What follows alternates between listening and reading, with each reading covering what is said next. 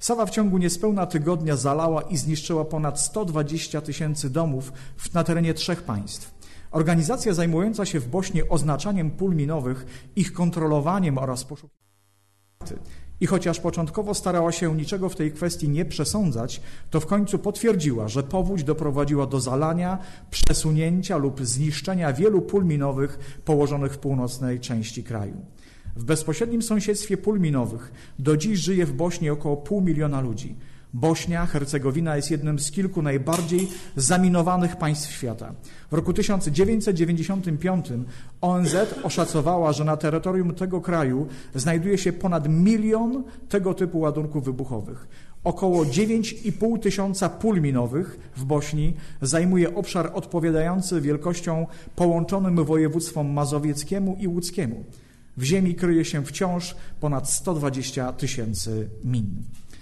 E, żyć na takim terenie chyba nie jest łatwo. Gdybyśmy my mieszkali tam właśnie w tych okolicach, gdzie na skutek powodzi doszło do przemieszczeń bardzo niebezpiecznych ładunków e, wybuchowych. Ciekaw jestem, jak byśmy stawiali swoje kroki.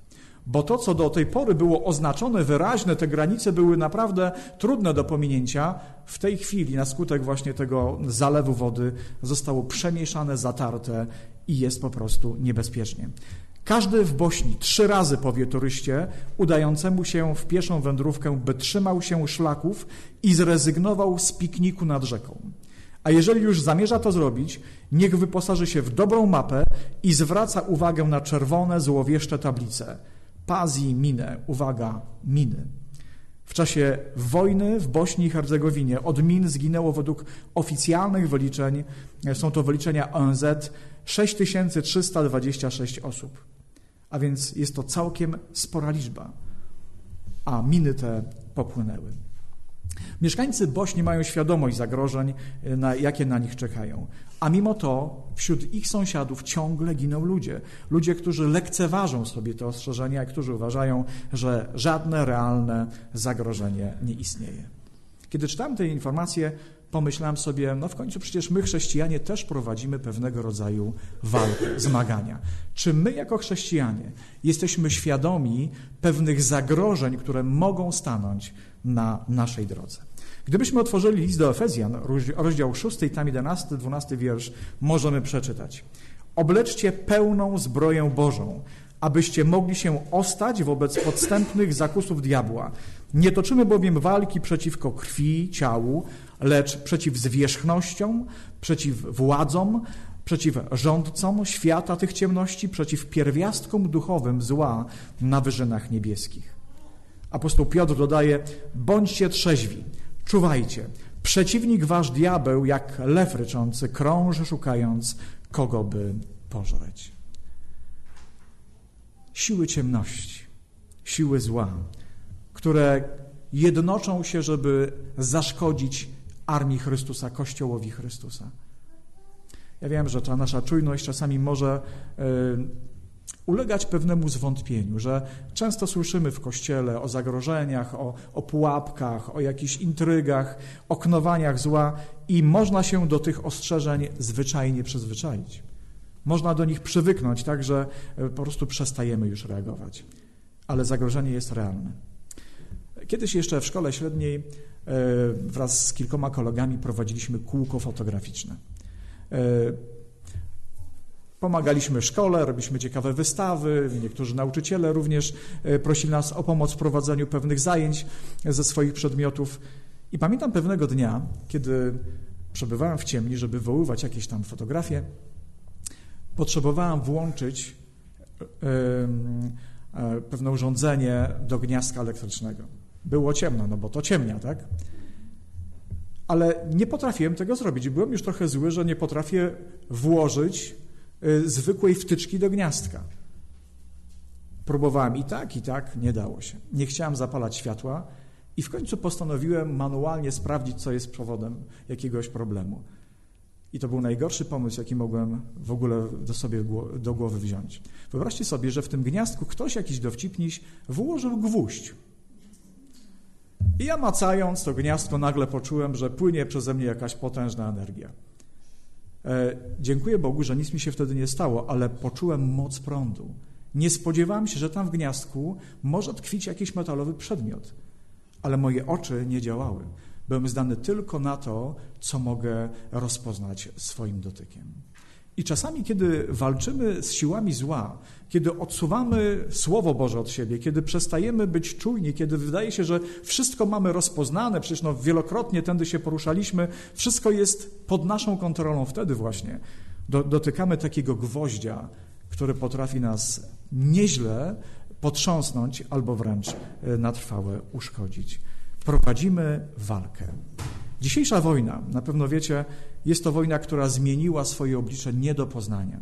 Kiedy czytamy o biblijnych wojnach, to jak te wojny wyglądały? Kiedy zmagał się Egipt z Babilonem, kiedy Asyria walczyła, powiedzmy, o dominację na swoich terenach. Jak te wojny wyglądały, kiedy stawały naprzeciwko siebie armie Rzymu i innych narodów? Wróg był czytelny, prawda? Były to jakieś formacje wojskowe, ludzie uzbrojeni w tarcze, hełmy, miecze, włócznie, jakieś machiny oblężnicze, ale było wyraźnie widać, gdzie są nasi, a gdzie są wrogowie. Jak wygląda dzisiejsza wojna? Bardzo często jest to wojna, która toczona jest przez ludzi siedzących przy monitorach. Bardzo często jest to wojna prowadzona przy pomocy satelit. Bardzo często jest to wojna prowadzona przez jakichś dziwnych zielonych ludzików, gdzie właściwie nie wiadomo, kto jest kto. Nie wiadomo, kto jest twój, kto jest obcy. Wszystko wygląda pięknie, przyjaźnie i nagle okazuje się, że ktoś przesunął granicę. Dzisiejsza wojna nosi nazwę wojny hybrydowej. Zgodnie z definicją Biura Bezpieczeństwa Narodowego, hybrydowa wojna łączy w sobie jednocześnie różne możliwe środki metody przemocy, w tym zwłaszcza zbrojne działania regularne, nieregularne, operacje w cyber, cyberprzestrzeni, działania ekonomiczne, psychologiczne, kampanie informacyjne, propagandę itd. Tak w uproszczeniu można powiedzieć, że nie chodzi tylko o regularne działania wojenne, ale też o wszystko dookoła. I czasami to wszystko dookoła jest ważniejsze niż strzelanie z karabinów czy salwy z okrętów i czołgów. Diabeł jest strategiem. On patrzy na nas, na ludzi, na Boga, on postuduje Biblię, zna pewne Boże zamierzenia, od tysięcy lat. My mamy swoich 70, 80 lat, jeżeli Pan Bóg da tyle zdrowia. Natomiast on analizuje i próbuje znaleźć jakiś słaby punkt w planie zbawienia, który Pan Bóg przygotował przed założeniem świata. A najchętniej atakuje z ukrycia. Najchętniej atakuje w momencie, kiedy się tego nie spodziewamy ale atakuje z zaskoczenia, z nienacka, bardzo często używając do tego ataku ludzi, którzy traktowani są przez nas jak, jak przyjaciele. Pamiętacie rozmowę Pana Jezusa z Piotrem? Kiedy Piotr przychodzi, słysząc o tym, że Jezus ma umrzeć i taki zatroskany, z takim szczerym bólem na twarzy mówi do Jezusa, Panie, nigdy to na Ciebie nie przyjdzie. To jest zły plan. To jest plan, którego nie możemy w żaden sposób realizować. Znajdźmy inny, lepszy, ciekawszy. Jezus bez żadnego znieczulenia mówi: Zejdź mi z oczu, bo mówi przez ciebie szatan. Jesteś jego narzędziem. Na moment, w tym momencie, w tych słowach przekroczyłeś granicę i stanąłeś po przeciwnej stronie barykady. Jest plan, który jestem gotów realizować. Problem polega też na tym, że w nas samych diabeł znalazł pewien przyczółek. Jego sprzymierzeńcem w walce z Bogiem, z nami, z Kościołem jest nasza grzeszna natura. Znacie smak walki ze samym sobą? Kiedy próbujecie być dobrzy, przykładni, poświęceni, gorliwi i nagle ktoś wam szepcze do ucha zupełnie inny pomysł, inną strategię. Apostoł Paweł w liście do Rzymian w siódmym rozdziale mówi tak, wiersz 18-19. Jestem bowiem świadom, że we mnie, to jest w moim ciele, nie mieszka dobro. Bo łatwo przychodzi mi chcieć tego, co dobre, ale wykonać nie. Nie czynię bowiem dobra, którego chcę, ale zło, którego nie chcę, to czynię. Jak prowadzić walkę ze samym sobą? Co możemy zrobić, żeby, żeby wyrwać z siebie te złe skłonności? żeby, żeby oczyścić swoje umysły, serca z tych, z tych złych odruchów, z tych grzesznych jakichś uwikłań. Co możemy zrobić? Gdybyśmy mieli taką moc sami w sobie, to moglibyśmy powiedzieć, Panie Boże, popatrz, jak doskonale sobie radzę. Ale myślę, że im dłużej staramy się walczyć ze swoimi słabościami, tym bardziej przekonujemy się, że zwycięstwo może przyjść tylko od Boga, tylko od Niego. Dlatego ważne są takie chwile, jak te, które, których doświadczaliśmy ostatnio. Ważne jest to, żebyśmy spotykali się na modlitwie, żebyśmy jednoczyli swoje szeregi i mówili, Boże, zdajemy sobie słabość ze słabości, która w nas tkwi, ale w Tobie jest moc.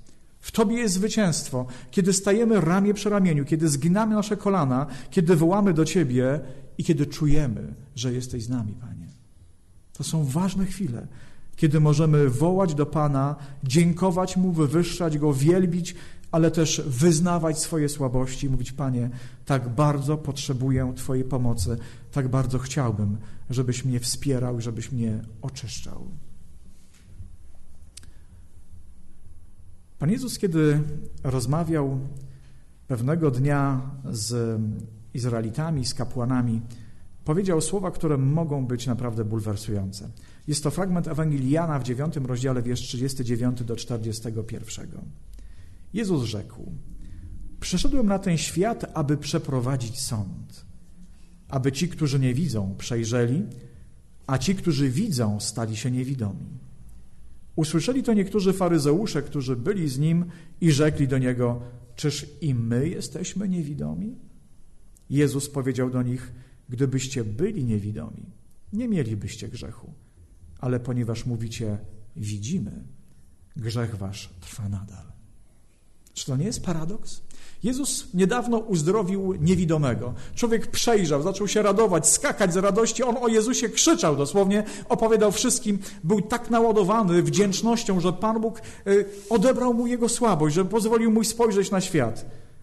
Ale obok stali święci mężowie. Jezus mówił o tym, że czasami można mieć zdrowy fizyczny wzrok i chodzić po omacku a można być człowiekiem niewidomym i radować się oglądaniem Boga. Przyszedłem po to, żeby ci, którzy widzą, przestali widzieć, a ci, którzy mają problem z widzeniem, żeby przejrzeli. Czy czytaliście, pamiętacie jedną z cech charakterystycznych poselstwa do, dla, do? Co jest? Że jest to Kościół, który mówi: Wszystko mam. Niczego mi nie brak. Właściwie same powody do zadowolenia. A Bóg mówi: ale z Twoim wzrokiem jest coś nie tak. Z, twoją, z Twoim ubiorem jest coś nie tak. Przyjdź i kup maści, abyś mógł przejrzeć. Pan Bóg chce, abyśmy widzieli.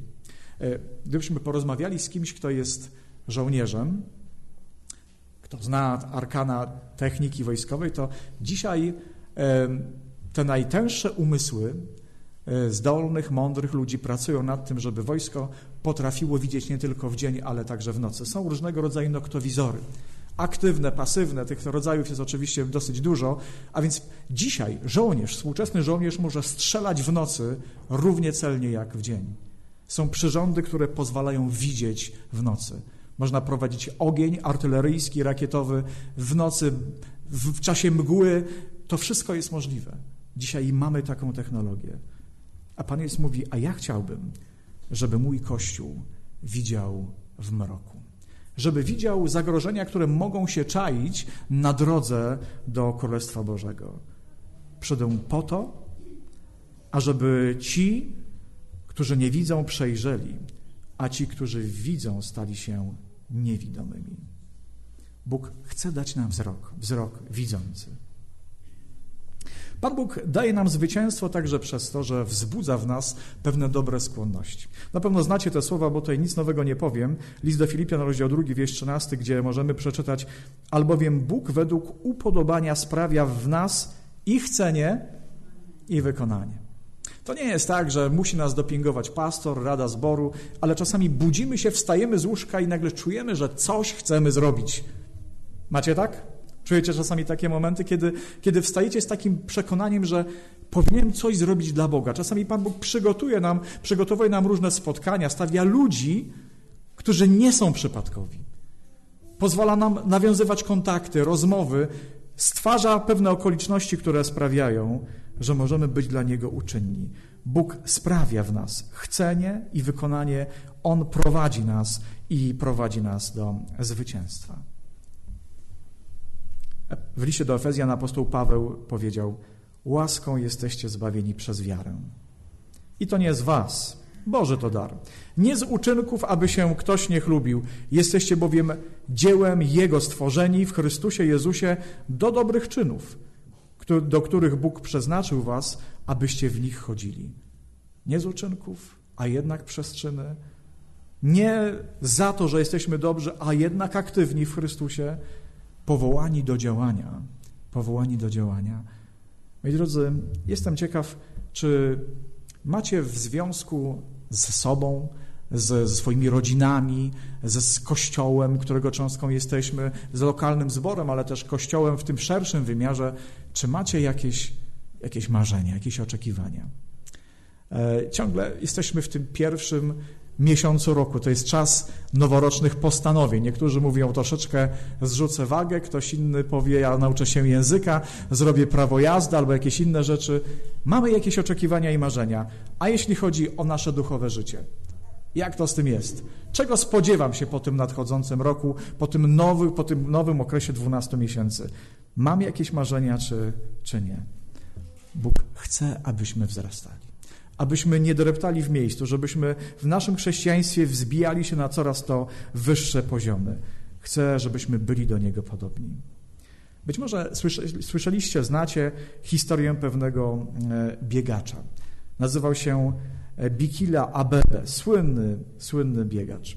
Należał do straży cesarza Etiopii Hailego Selasiego. Pilnując pałacu, biegał boso z lwami, które się tam znajdowały.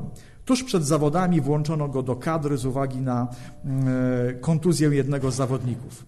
Firma Adidas nie była w stanie z dnia na dzień znaleźć odpowiedni numer obuwia, a ABB biegał boso. I co? I wygrał. Wygrał maraton jako pierwszy czarnoskóry Afrykanin. Pobiegł bez butów, bo bardzo chciał wygrywać dla swojego kraju.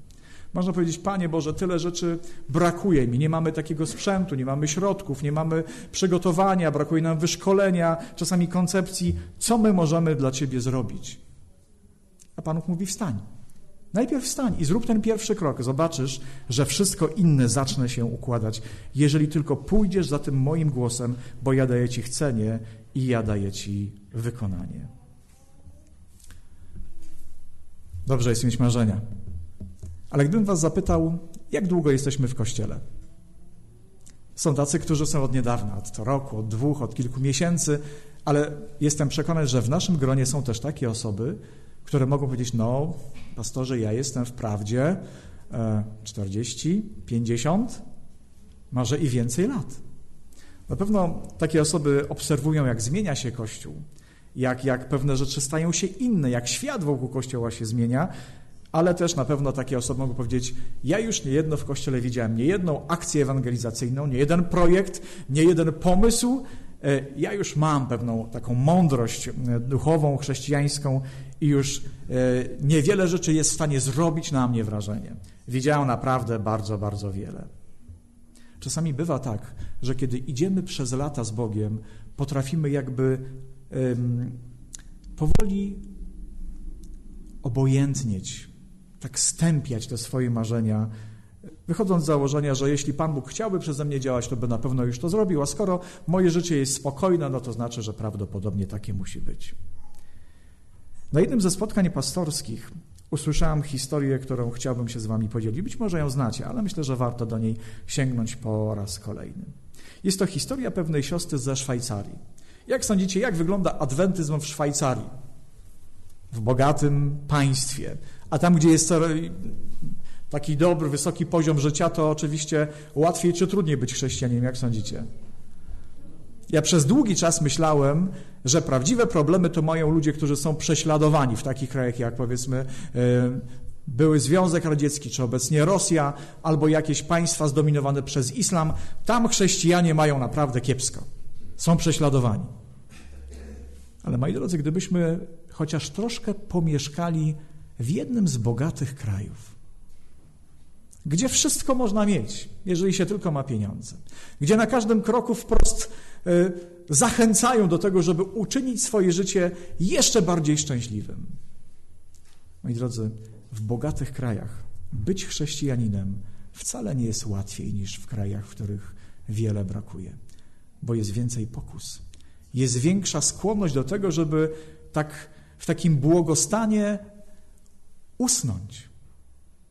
Szwajcaria do takich krajów należy. I pewna siostra, właśnie tam w Szwajcarii, postanowiła rozpowszechniać książki Wielki Bój. Rozmawiała ze swoim pastorem. Wyobrażacie sobie entuzjazm na twarzy pastora? Chciał tą siostrę wyleczyć z takich karkołomnych pomysłów. Powiedział, siostro, kto tą książkę kupi tutaj, w takim kraju jak nasz? Przecież tutaj ludzie mają wszystko, no, oni mają raj na ziemi, a ty chcesz im sprzedawać wielki bój. Silna jest twoja wiara, ale obyś się nie rozczarowała. Ale ona powiedziała, że chce to zrobić. A więc poprosiła e, o pomoc w przewiezieniu dwóch paczek e, tej książki Wielki Bój e, do bagażnika jej samochodu, o przeniesienie. Pastor powiedział, rozpowszechnij najpierw jedną książkę, a potem wróć po dwie paczki. Ale ona była konsekwentna, a więc miała te paczki w swoim samochodzie, ruszyła, no i pechowo trafiła na korek. Na autostradach jest, w tych dużych miastach, państwach bogatych jest to normalne. A więc utknęła w korku. Cóż, no więc wyciągnęła y, y, ze swoich, powiedzmy tam, zasobów jakichś literackich y, Biblię, zaczęła czytać, sięgnęła też po książkę Wielki Bój i nagle zauważyła, że jest obserwowana. Gdzieś tam w takim potężnym samochodzie w tirze siedział kierowca, który wyglądał ze swojego okienka, przeglądał się i patrzy, kobieta zaczytana, a musi to być coś fascynującego, bo pochłonęło to ją naprawdę w całości. A więc otworzył okno i pytał, co pani tam ma? A mówi, mam taką fajną książkę. Wielki Bój. No więc on poprosił. Potem y, zaczęli podchodzić inni kierowcy tych potężnych ciężarówek i w końcu wokół jej samochodu zebrał się niezły tłumek. Było to dosyć podejrzane. W każdym razie ktoś chyba zadzwonił, to działa bardzo szybko e, na zachodzie i gdzieś tam nad jej samochodem zaczął krążyć śmigłowiec policji, no bo jakieś zbiegowisko, jakieś tłumy, prawda, może, może jakiś napad, cokolwiek. Kiedy wylądował i przedstawiciel policji podszedł do jej samochodu, to zostały jej trzy egzemplarze książki, które mogła wręczyć stróżom prawa. Czasami zastanawiam się, czy, czy my, pastorzy, nie jesteśmy jakimś hamulcem w marzeniach, które rodzą się w sercach e, naszych sióstr i braci. Moi drodzy, jeżeli zdarzy mi się coś takiego, to bardzo Was proszę, żebyście mnie doprowadzili do ładu. Bo, bo czasami ten rozsądek pastorski naprawdę potrafi być przeszkodą. Nie bójmy się marzyć, bo to, co z boku wygląda rzecz nierealną, niemożliwą, to się udać nie może, to Pan kiedy bierze w swoje ręce, zaczynają dziać się cuda. Pamiętajcie o tym, że Kościół jest nasz. Przede wszystkim Boży, a w drugiej mierze nasz jako wyznawców. To nie jest kościół pastorów, to nie jest kościół rad zboru, to jest kościół nasz. I mamy prawo marzyć o tym, co chcemy dla Pana Boga zrobić, i mamy prawo te marzenia realizować. Nie bójcie się marzyć. Nie bójcie się wyznaczać jakieś ambitne plany, bo Pan Bóg jest Bogiem cudów, jest Bogiem, który łamie jakieś konwenanse, jakieś e, sztampy, jakieś e, sztuczne e, ramy.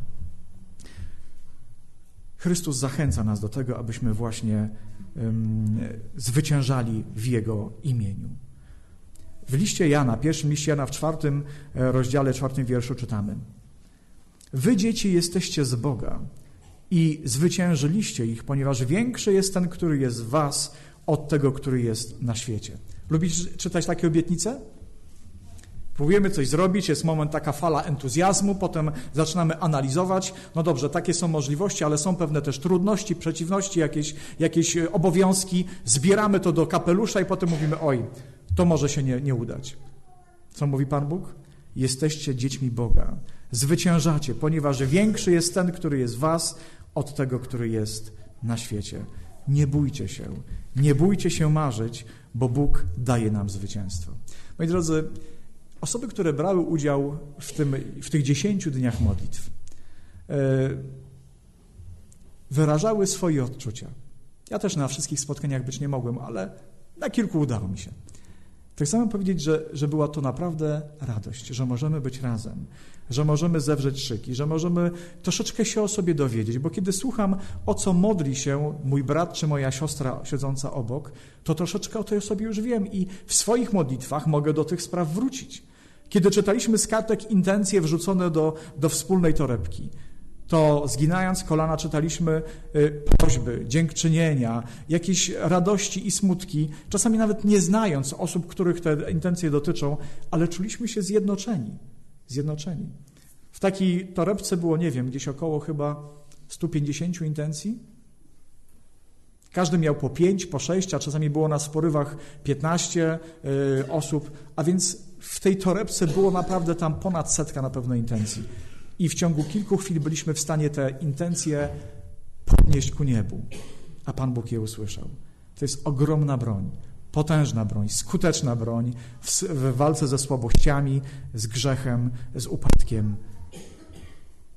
Kiedy modliliśmy się, to czułem, że w naszym gronie robi się tak ciepło. I, i ta historia z wróbelkiem właśnie mi się przypomniała, że, że Pan Bóg stał nad nami i gromadził nas pod swoje skrzydła bo daliśmy czas, znaleźliśmy czas na rozmowę z Nim.